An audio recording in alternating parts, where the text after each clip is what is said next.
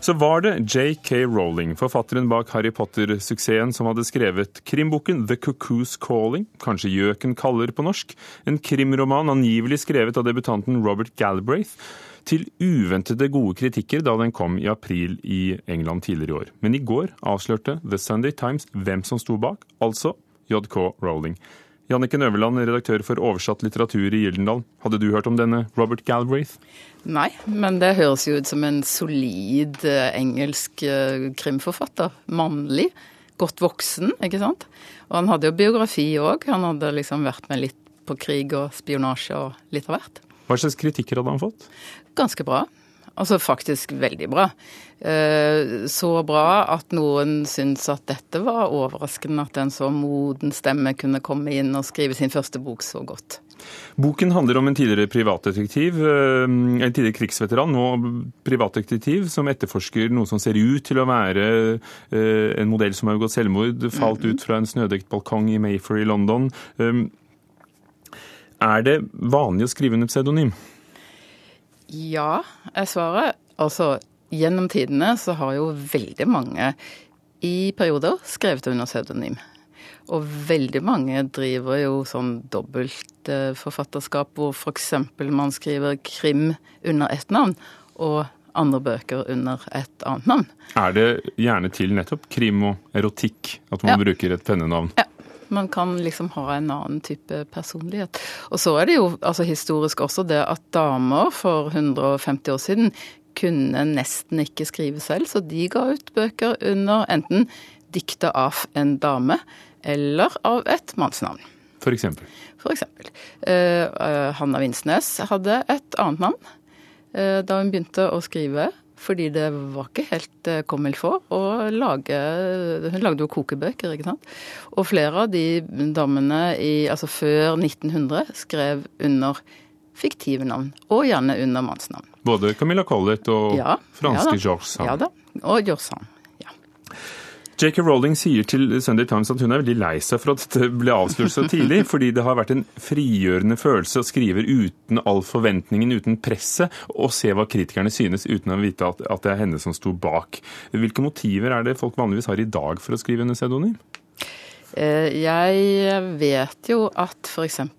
nobelprisvinneren Doris Lessing eh, i 1984 bestemte seg for at hun ville teste ut og se hvordan eh, noen bøker som hun hadde skrevet, men under et annet navn, Jane Sommers, eh, The Diaries of Jane Sommers, 1984.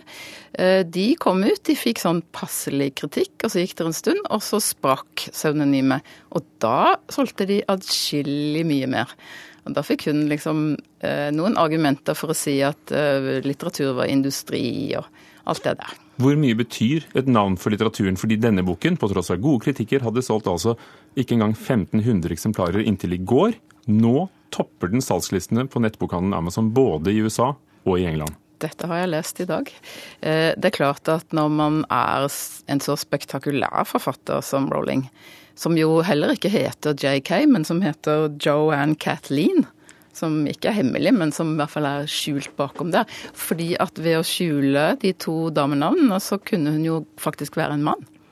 Så det der med kjønn er et slags sånn argument enda, tenker jeg. Å se at hun velger da en mannepseudonym når hun skal skrive krim. I dag, jeg, Hun sier at det var så deilig å ikke ha all den hypen. Hype er jo liksom det gode norske ordet for skryt på forhånd og alt det der. For her kunne hun jo ikke stå frem. Ikke sant? Her måtte hun skjule seg bak denne voksne mannen. Eh, og det er klart at det, når man er så fetert som henne, så var det en helt ny situasjon. Sikkert ganske deilig. Mm. Men så står det også i dag at det kom noen små rykter på Twitter som begynte å dra i denne historien. For jeg tror jo at både hun, forlaget, agenten, alle aktørene har veldig høy eh, interesse i at dette skal bli kjent. Jeg ringte agenten i London. De kunne ikke si noe om, eh, om rettighetene var solgt til Norge. Det er de visstnok ikke ennå. Nei, det er ikke det. Vil du ha lyst på dem? Eh, det, altså, jeg syns alltid det er veldig greit å lese bøker før man kjøper bøker. Faktisk. Eh, men de hadde blitt nedringt eh, av folk i hele dag. Eh, så kommer altså historien om alle forleggerne som takket nei, og nå angrer de seg. Det hørte vi da, da denne Harry sånn Potter kom også. Ja. Men den er jo solgt da til i hvert fall skal vi si, syv land allerede. Mm. Så det går fort. Hun ga jo ut én voksenroman etter ja, Harry Potter-bøkene til blandet kritikk. Til absolutt blandet kritikk, ja. Eh, kan det tyde på at hun har lyktes bedre i denne sjangeren? Jeg har tenkt den tanken. Mm. Og Dette ble altså avslørt da The Sunday Times fikk et tips. De så det på Twitter. De mm. ga manuskriptene, både Harry Potter, den forrige romanen og denne, til to uavhengige lingvister som sammenlignet mm. data. De så at det var samme agent osv. Ja, det hadde en ledetråd. Ville du tro at kanskje noen sto bak den avsløringen for å nettopp få litt fortgang i salget? Jeg har mine mistanker. Takk skal du ha. Jannicke Nøveland, redaktør for oversatt litteratur i Gyldendal.